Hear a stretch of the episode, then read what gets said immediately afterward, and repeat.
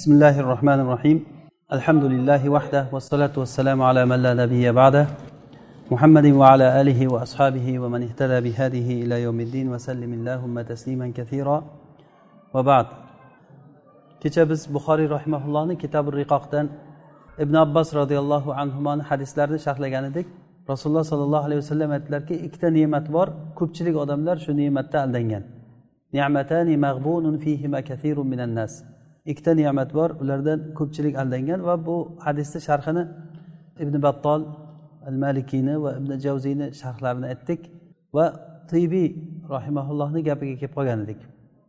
Bu kishi aytdilarki rasululloh sollallohu alayhi vasallam hozir odamlarni holatini xuddi tijoratchiga o'xshatyapti. Ya'ni tijoratchi kishilarni eng asosiy narsasi qo'lidagi molini mablag'ini yo'qotib qo'ymaslik bo'ladi. Buni kapital deyiladi arab tilida rosi mol ya'ni o'sha nimani molni tanini yeb qo'ymaslik uchun tijoratchilar shunga qattiq e'tibor beradi. O'sha uchun kim bilan muomala qilyapti iloji boricha o'sha pulini aldanib qolmasligi uchun kimlar bilan muomala qilayotganligiga juda qattiq e'tibor beradi. Xuddi shunday mo'min kishini rosi moli ya'ni kapitali uni sog'ligi bilan vaqti. Agar shu sog'ligi bilan vaqtini bema'ni narsaga sarflab yuborib qo'ysa xuddi tijoratchi pulini bo'lmag'ur joyga sarflab yuborib pulini chiqarib ololmaganga o'xshab katta ziyon ko'rib qolganga o'xshaydi. Ya'ni sog'lik bilan e, bu nima? Bekor vaqt inson uchun juda ham katta bir xuddi tijoratchidagi pul aylantirishlik uchun asosiy puliga o'xshaydi. Bu uchun odam tanlaydi.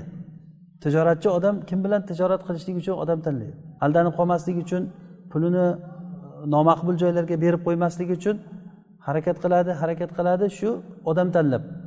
Mo'min kishi ham sog'ligi bilan vaqtini qayerga qo'yishlik uchun tanlash kerak. Agarda shu qayerga bo'lsa qo'yib zoya qilib yuborsa juda ham katta bir yutqizishlik bo'ladi bunga. Keyin buxoriy rahimaulloh mana shu kitobi riqoqda ikkita hadis aytdilar. Anas ibn molikdan allohimma la aysha illa ayshil axira fag'firil ansora val muhajira hadisi. Va yana e, sahl ibn saadni hadisi. Xuddi shu hadis rasululloh sollallohu alayhi vasallam bilan birga biz handak g'azotida handak qozayotgan edik.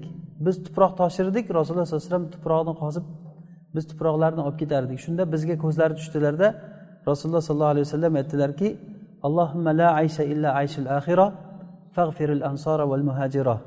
Ey ollohim hayot faqatgina oxirat hayotidir. Ansor va muhojirlarni o'zing rahm qilgin deb aytdilar.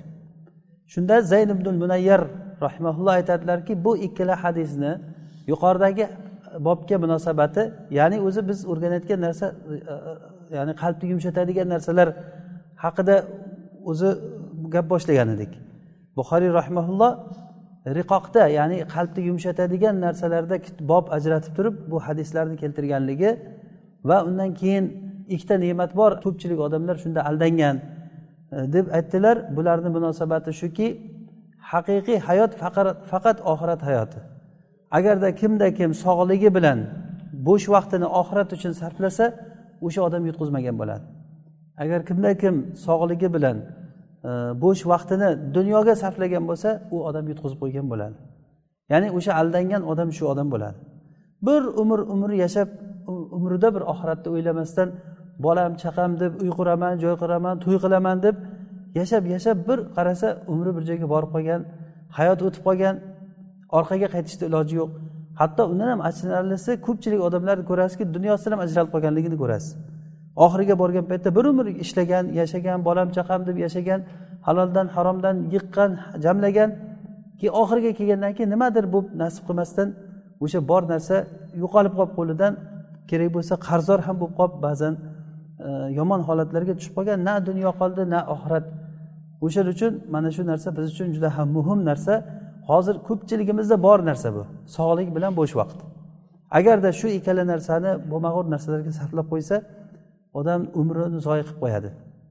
Keyin bu bizda hozir aytayotgan narsamiz bu qalbni yumshatayotgan e, gaplar. Ayniqsa shu bugungi kunimizda bugun biz yashaydigan ramazon kunlarida ramazon kechalarida juda ham munosabati katta buni. Chunki biz uchun eng muhim bo'lgan narsa qalbni isloh qilishligimiz qalbni tozalashligimiz bo'ladi. Huzayfat ibn yaman roziyallohu anhu aytadilarki men rasululloh sollallohu alayhi vasallamdan ikkita hadis eshitganman. Shundan biri rasululloh sollallohu alayhi vasallam aytdilarki iymonni olloh subhanava taolo bir odamlarni qalbiga to'g'riga tushirdi degan. Keyin ular qur'onni keyin sunnatni ta'lim oldilar. Ya'ni iymon odamlarni qalbiga o'rnashdi boshda. Rasululloh sollallohu alayhi vasallam mana shunday ummatni tarbiya qildilar. Ularni qalblari iymonga to'lgan edi. Hozir mana shunaqangi qalblarga ehtiyoj juda katta. Oyat bor qur'on bor qancha qur'onlar hozir qancha poralab qur'onlar o'qilinadi lekin qur'on odamdan xuddiki bir yo'lda yo'l yo'lakay o'tib ketganday o'tib ketadi uni ta'siri qalblarga bilinmaydi. Mana bu uchun tirik qalblar kerak. Qalbni o'lik bo'lib qolishligi billah xuddiki qalb yo'qday bo'ladi. Ya'ni alloh subhanahu va taolo mana bunday ta'sirlanmaydigan qalblarni o'lik qalb yo'q qalb dedi. Inna fi zalika liman kana lahu qalb aw alqa sam'a wa huwa shahid. Mana bu aytilingan pandi nasihatlarda qalbi bor odamga pandi nasihat bor. Ya'ni qalbi bor odamga degandan chiqadiki ba'zi odamlarni qalbi yo'q ekan. Ya'ni u qalbi bor hamma odamda yurak bor. Lekin alloh taolo qalbi bor degani tirik qalb bor degani. Demak ba'zi bir odamlar bor jasadini ichida o'lgan bir mayta bor. U uni qalbi bo'ladi. Qalb o'lib qolgandan keyin u odamga boshqa narsa ta'sir qilmaydi. Nima narsa qalbni o'ldirib qo'yadi? Qalb o'lib qolishligi o'zi nima bu? Alloh subhanahu va taolo qur'onda aytganki afala yatadabbaruna qur'ana am ala qulubin aqfaluha? Ular qur'onni tadabbur qilmaydilarmi yoki qalblarida qulflar bormi? Demak qalbni qulflanib qolishligi o'sha qalbni o'lib qolishligi degani. Qalbni qulflanib qolishligini sababi bu gunohlar bo'ladi. Gunoh sababli qalb qulflanib qoladi. Ya'ni baltoba allohu alayha bi kufrihim fala yu'minuna illa qalila. Alloh taolo ularni kufri sababli ularni qalbiga muhr bosib qo'ydi. Odamni qalbiga agar muhr bosilinsa oyat o'qilinsa ta'sir qilmaydi. Ko'ziga yosh kelmaydi. Qalbda titroq bo'lmaydi. Alloh taolo qur'onda ko'p joylarda iymon ahllarini maqtagan.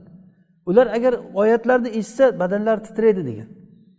Hozir shu oyatni eshitgan paytda kimni badani titrayapti? Kimni ko'ziga yosh kelyapti? Kimda bir mayuslik bir hodis bo'lyapti? Agar shu narsa bo'lmayotgan bo'lsa biz o'zimizni holatimizga yig'lashimiz kerak bo'ladi. Demak bizga o'shalarga alloh taolo ularni yomonlagan qalbi o'lik degan odamlarga bir o'xshashlik tomonimiz bo'lib qoladi olloh asrasin. Mana buni isloh qilishimiz kerak. Bu kasallik hozir kasallikni aytsak hammamizga bir xafalikdek bo'lib tuyuladi. Lekin davolash uchun avval kasallikni aytish kerak. Kasallik mana shu qalbda o'lish bor. Endi buni davolayotgan turini inshaalloh hozir keyin aytamiz. Demak ta'sirlanmaydigan aytilingan pandi nasihatdan ta'sir olmaslik tadabbur qilmaslikni sababi qalbni o'lib qolishlik bo'ladi qalbni o'lib qolishligini sababi gunohlar bo'ladi. Mana shu gunohlarni hozir mag'firat qilinadigan kuni hozirgi kunlar bo'ladi. Shuning uchun ham biz bu ro'zaga kirishlikdan oldin boshlab ro'zani haqiqati haqida gapirdik. Ro'zani haqiqati eslaringizda bo'lsa aytdikki ro'za degani bu siyom degani arab tilida tark qilish degani. O'zi ikkita narsa bor amal qilish bor tark qilish bor. Hozir masalan namoz o'qishligimiz mana qiyom namozlarini o'qishligimiz qur'on o'qishligimiz sadoqatlar qilishligimiz iftorliklar qilib berishligimiz taom yedirishligimiz zakot berishligimiz bular amal bular bu ro'za emas bular hech qaysisi lekin ro'za degani u tark qilish degani nimani tark qilishlik? Nimani tark qilishlik? Ba'zi mubohlarni yeyish ichishga o'xshagan va e, jimo qilishlikka o'xshagan ba'zi mubohlarni va hamma haromni tark qilish degani. Mana bu ro'za degani. Hozir biz ba'zi mubohlarni tark qilishimiz mumkin. Soatga qarab tark qilamiz. Ba'zi mubohlarni tark qilyapmiz. Yeyishni ichishni jimo qilishlikni tark qilyapmizda lekin haromni uncha muncha odam tark qilmaydi haromni. Buxoriy rahimaulloh abu hurayradan rivoyat qilgan hadisda aytiladiki rasululloh sollallohu alayhi vasallam aytdilar agarda kishi yolg'on gapni gapirishligini yolg'onga amal qilishlikni va jaholatini tashlamas ekan u taom va sharobni tashlashligida hech alloh taologa keragi yo'q degan. Ya'ni bu degani haromni tashlamas ekan. Hozir haromni tashlash deganda qarang masalan ko'pincha mana kashandalarni biz sigarcha ketgan odamlarni misol qilamiz bunga. Ko'p mukkasidan ketganligi uchun. Shom azoni aytilishligi bilan hamma xurmo yeyishlikka shoshilinsa sigaret chekayotgan odamlar sigaretga shoshiladi. Ya'ni soatga qarab o'tiradi qancha masiyat qilishlik uchun. Aslida ro'za tark qilishlikni o'rgatayotgan narsaga tark qilishni o'rniga soatga qarab o'tiradi. Bu gunohni tarqalishlikka o'rganmayapti bu odam. Qaytagigi gunohga yana ishtiyoqi oshyapti. Bir ma'lum bir vaqt ushlab turib qo'yib yuborsa yugurib borib tarmashib o'shani olyapti. Xuddiki sog'inib ketib haligi sigaretni sog'inib ketib shunday qo'llari qaltirab olib turib tutatib bir biriga berib o'zicha saxovatlar qilib chekib qolishligini o'zi soatga qarab turib bu nima qildi bu odam kuni bilan? A bu taom sharobni tarqiganligi buni haromni tarqilishlikka o'rgatmasa nima keragi bor uni ro'za tutganligini? Xuddi shu ma'noni aytdilar. agarda banda إذا لم يدع العبد قول الزور والعمل به والجهل فليس لله حاجة في أن يدع طعامه وشرابه agarda banda qavli zo'rni qavli zo'r degani bu botil gapga amal qilish botil degani ya'ni zo'r degani arab tilida haqdan boshqa narsa hammasi bo'ladi bu yolg'on gap ham kiradi bunga va boshqa narsa ma'siyatlar ham hammasi kiradi agarda shu botil narsaga amal qilishlikni va botilni tashlamas ekan jaholatini tashlamas ekan bu taom va sharobini tashlashlikda hech qanaqangi hojat yo'q degan demak ro'zani haqiqatini biz tushunishligimiz kerak. Bu haqda biz ko'p e, takror takror gapirdik. Ma'lumot bizga sobit bo'lib qolishligi uchun yana takrorlayapmiz. Ro'zani haqiqati ya'ni ro'za degani amal emas tark qilish degani. Nimani tark qilish deganda ba'zi mubohlarni yeyish ichish va jumoga o'xshagan va hamma haromni tark qilish degani. Butun haromni hammasini ana shu tarkni o'rganaylik. Biz odatlanib qolgan narsalarimiz bor yomon narsalar bor. Bu narsa bizni qalbimizga xuddiki bani isroilni qalbiga buzoqni muhabbati singib ketgandek singib ketdi. Alloh taolo aytdiki va ushribu fi qulubihimul ijl. Ya'ni ularni qalblariga buzoqni muhabbati ularga singib ketdi. Buzoq bo'lmasa bir foyda ham zarar bermaydigan bir betayin narsa edi. Ya'ni inson shunchalik ekanki agarda qalbi bir narsa bilan ta'sirlansa o'sha ta'sirlangan narsasini muhabbati qalbiga singib ketib o'shani orqasidan yurib ketib qolar ekan odam. Buzoqqa ibodat qildi shular. Bo'lmasa ularni ko'zini oldida fir'avnni halok qildi alloh taolo. Ustilariga bulutlarni olib kelib soya qildi. Ularga bedona go'shtlarini ularni ustilariga yog'dirib qo'ydi. Shirin narsalarni ularga e, halvalarni ularga tushirib qo'ydi alloh taolo. Suvlarni chiqarib berdi toshlarni orasidan. Hamma narsa muhayyo bo'ldi. Lekin shunda ham muso alayhissalom ular uchun nur va hidoyat bo'lgan tavrotni olib kelishlik uchun alloh taoloni bilan gaplashgani to'rga ketgan paytlarida keyinicha qavmi buzoqqa ibodat qilib o'tiribdi. Hozir ham bizni qavmimizda xuddi bani isroilga o'xshagan qalbida ollohdan o'zga muhabbatlar singib ketgan odamlar bor. Bu singib ketgan narsa buzoq emas balki u dirham va dinor bo'lishligi mumkin. Dinor va dirhamni tushida ham ko'radi gapirsa ham gapiradi faqat va faqat gap puldan gaplashadi. O'tirsa pulni o'ylaydi puldan gaplashadi pul uni hayoti bo'lib qolgan. Pul o'tqizadi pul turg'izadi odamni. Mana bunday narsa bu o'shanga ibodat qilishlik bo'ladi. Rasululloh sollallohu alayhi vasallam aytdilarki taisa abdud dinor taisa abdud dirham.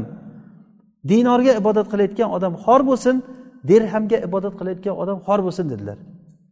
Demak insonni qalbiga mana shu ollohdan o'zga boshqa narsalarni muhabbati singib qolsa agar ana shu narsani chiqarishlik nihoyat darajada qiyin bo'ladi. Buni bizga osonlashtirayotgan narsa shu kecha kunduzdagi ramazon kunlari bo'ladi bizga. Buni biz anglamasdan odatdagi ro'zani tutaversak saharlik qilyapmiz iftorlik qilyapmiz. Saharlik iftorlik uyqu saharlik iftorlik uyqu bo'lib turib kun sanab a alhamdulillah ro'zani ham bugun yetti kuni o'tib ketib qoldi. Alhamdulillah mana uchdan biri ketdi. Alhamdulillah tugatdik ro'zani ham deb. Ro'za tugagan paytda xursand bo'lib bir birimizni tabriklab o'tirib nima qilganligimizni bilmayotgan bo'lsak har yilgidek hech narsa ko'rmay chiqib ketaveramiz. Bu kunlar sanoqli kunlar o'tib ketadi. Shunday bir ne'matlar o'tib ketib qoladi. Biz nimani o'tkazganimizni bilmay qolamiz. Bu kundan ikkita odam chiqadi. Kimdir gunohi mag'firat qilinib onadan tug'ilganday bo'lib gunohlaridan forig' bo'lib chiqadi va kimdir borki bu kundan xor bo'lib burni yirgashga olib chiqadi. Uchinchi odam yo'q. Demak bu mag'firatga erishishlik uchun mag'firatni ma'nosini bilishimiz kerak va mana shu kunlarda turganligimizni ahamiyatini bilishimiz kerak. Biz bu kunlarda turibmiz ekanmi? Bu kunlar mag'firat kunlari mag'firatni mavsumi. Alloh taoloni mag'firatiga erishib qolayotgan kunlar. Bu uchun mag'firat insonlarni qalbiga shunday sochib yuboriladigan narsa emas bu. Kim agar mag'firatga loyiq bo'lsa ana o'sha odamga alloh taolo o'zini mag'firatini beradi. Mag'firat bo'lishligi uchun gunohi kabiralarni tashlash kerak. Gunohi kabiralar qilgan odamlar bo'lsa tavbatan nasuha qilib alloh taologa qattiq tavba qilishlik kerak. Mana shu tavba qilgan qalblarga nurni alloh taolo keyin u qalblarga beradi. Mana shu qalblar keyin tadabbur qiladi tafakkur qiladi. Oyatlarni o'qilingan paytda o'shandan ta'sirlanadi. Valamu bilinglarki alloh taolo banda bilan qalbini o'rtasini to'sib qo'yadi.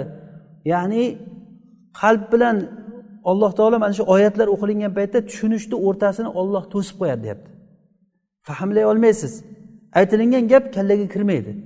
Aytilingan gap qalbga kirmaydi o'rnashmaydi. Gap aytilingan paytda uyqu keladi boshqa bo'ladi. Hattoki olloh asrasin ba'zi bir kishilar ollohdan pandi nasihat aytilingan paytda g'azab qilib turib qachon tugaykan deb o'tiradi إذا ذكر الله وحده اشمأزت قلوب الذين لا يؤمنون بالآخرة وإذا ذكر الذين من دونه إذا هم يستبشرون ya'ni odamlardan shunday bir toifalar borki ular agar olloh zikr qilinsa ular shunday yomon ko'rib ketadi agarda ollohdan boshqa narsa nima bo'lsa ham zikr qilinsa uyqular qochib butun hamma shodi xurram bo'lib qoladi. Agarda ularga bir lahu aytilinsa bir askiya aytib berilsa yo bir kulgulik bir bo'lmag'ur narsa aytilib berilsa muzika bo'lsa o'shani yaxshi tinglaydi. Lekin qur'on bo'layotgan bo'lsa tinglamaydi. Nega qur'onni qalb yomon ko'rib qolib muzikani qalb yaxshi ko'rib qoladi? Bu olloh subhanahu va taolo u bandani qalbi bilan qur'on o'rtasini to'sib qo'yganligi bo'ladi. Bunga bandani o'zi sababchi gunohlari sababchi bo'ladi. Har qanday musibatga odamni o'zini gunohi sababli. Buni biz qur'onni hajr yillar davomida hajr qilganligimiz bo'ldi. Qur'onni qo'limizga olmasak qur'onni tilovat qilmasak ya'ni masalan bir qarindoshingizni masalan ota onangizni yoki bir yaqin qarindoshingizni ikki oy ko'rmasangiz ikki oydan keyin ko'rsangiz qayerda yuribsan deydimi? Uch oydan keyin ko'rsangiz boringki olti oydan keyin ko'rsangiz e qayerqa ketding? deydi. Bir yildan keyin ko'rsangizku toza endi yig'lab ko'rishadi. Bu qur'onni biz qachon qo'limizga oldik va varaqlamagan joylarimiz bormi haligacha? O'sha varaqlanmagan joylar bizni ko'rgan paytda qayerda yuruvding shu paytgacha deb holat tili bilan aytmaydimi o'sha? Mana bu hajr deyiladi. Rasul qiyomat kunida qur'onni hajr qilgan odamlar ustidan shikoyat qilib aytadiki rasulu ya robbi inna hadal qur'ana mahjura. Rasul aytadiki qiyomat kunida ey robbim bu qavmim qur'onni hajr qildi. Qur'onni hajr qildi tashladi qur'onni degan. Demak qur'onni biz hajr qilganligimiz sababidan mana shu holatga hozir tushib qoldik. Qur'onni tadabbur qilishligimiz yo'q o'ylab ko'rishlik yo'q. Bu tadabbur qilishlik uchun hatto katta ilm ham kerak emas o'zi. Tadabbur qilishlik uchun katta tafsir kitoblarini ilm kitoblarini o'qishlik ham shart emas. Hatto kofirlarga alloh taolo qur'onni tadabbur qilishlikka e, talab qildi ulardan. Afala yatadabbarunal qur'an? Buni kofirlarga aytdi alloh taolo. Qur'onni tadabbur qilmaydimi ular degan. Jubayr ibn mutim roziyallohu anhu u kishi kofir bo'lgan paytda madinaga borgan. Madinada badr g'azotidan keyin uni yaqinlaridan biri asrga tushib qolgan bo'lgan. Shuni qutqarib olishlik uchun u fidyasini to'lagani borgan. Madinaga borgan keyin shom vaqti bo'lib qolgan masjidda o'tirganda shom bo'lib qolgan. Rasululloh ashoblari bilan turib shom o'qiganlar. O'shanda jubayr ibn mutaim o'zi aytib beradi. Rasululloh shom namozini o'qidilar shomga vattur surasini zamsura qildilar. Shunda vattur va kitabi mastur oyatini o'qidilar. Am xuliqu min g'ayri shayin am humul xoliqun am xalaqus samavati val arda bal la yuqinun. Mana shu oyatiga kelgan paytda qalbim uchib chiqib ketadi joyidan degan. Kofir odam. Ya'ni ular osmonlar va yerni shular yaratganmi? Yoki ularni kim yaratgan? O'zidan o'zi bo'lib qolganmi bu odamlar? Bu uchun ilm kerak emas. Bu xitobni tushunishlik uchun ilm kerak emas bu. Ozroqgina bo'lsa ham insof kerak tadabbur qilishligimiz kerak. Maymun ibn mehron umrini oxirlari paytda ko'zi ojiz bo'lib qolgan. Ko'zi ko'rmay qolgan ekan. U kishini o'g'li yetalab yurgan olib yurgan. Bir kuni o'g'liga aytgan ekan o'g'lim meni qalbim qorayib qolyapti. Hasanul basriyni oldiga olib borgin. Men bir pandi nasihat eshitay deganda hasanul basriyni oldiga olib borgan borib kirgan hasanul basriy qarib qolgan holatda edi u kishi ham. Keyin o'tirgandan keyin hasan basriyga meni qalbim qorayib qoldi menga pandi nasihat qiling deganda hasan basriy shu aro surasidan uch oyat o'qib bergan. Sinin ja'ahum ma kanu yu'adun ma aghna anhum ma kanu yumatta'un. Ularga bir qancha yil biz umr bersak keyin ularga va'da qilingan o'lim kelsa ularga berilingan moli dunyosi ularga foyda bermaydi. Mana shu oyatni eshitgandan maymun ibn mehron hushdan ketib qolgan ekan. Chiqqanlaridan keyin o'g'li aytgan ota bu hasan al basriy shumi? degan. Ha deganda odamlar aytishardi hasan al basriy juda nubuvatni gapiday gapiradi kuchli gapiradi deb faqat oyat o'qib berdiku. Deganda aytgan ekanki ey o'g'lim bu shunday oyatlarni o'qidiki agar qalbga kirsa bir qancha joyda jarohat qoldiradi.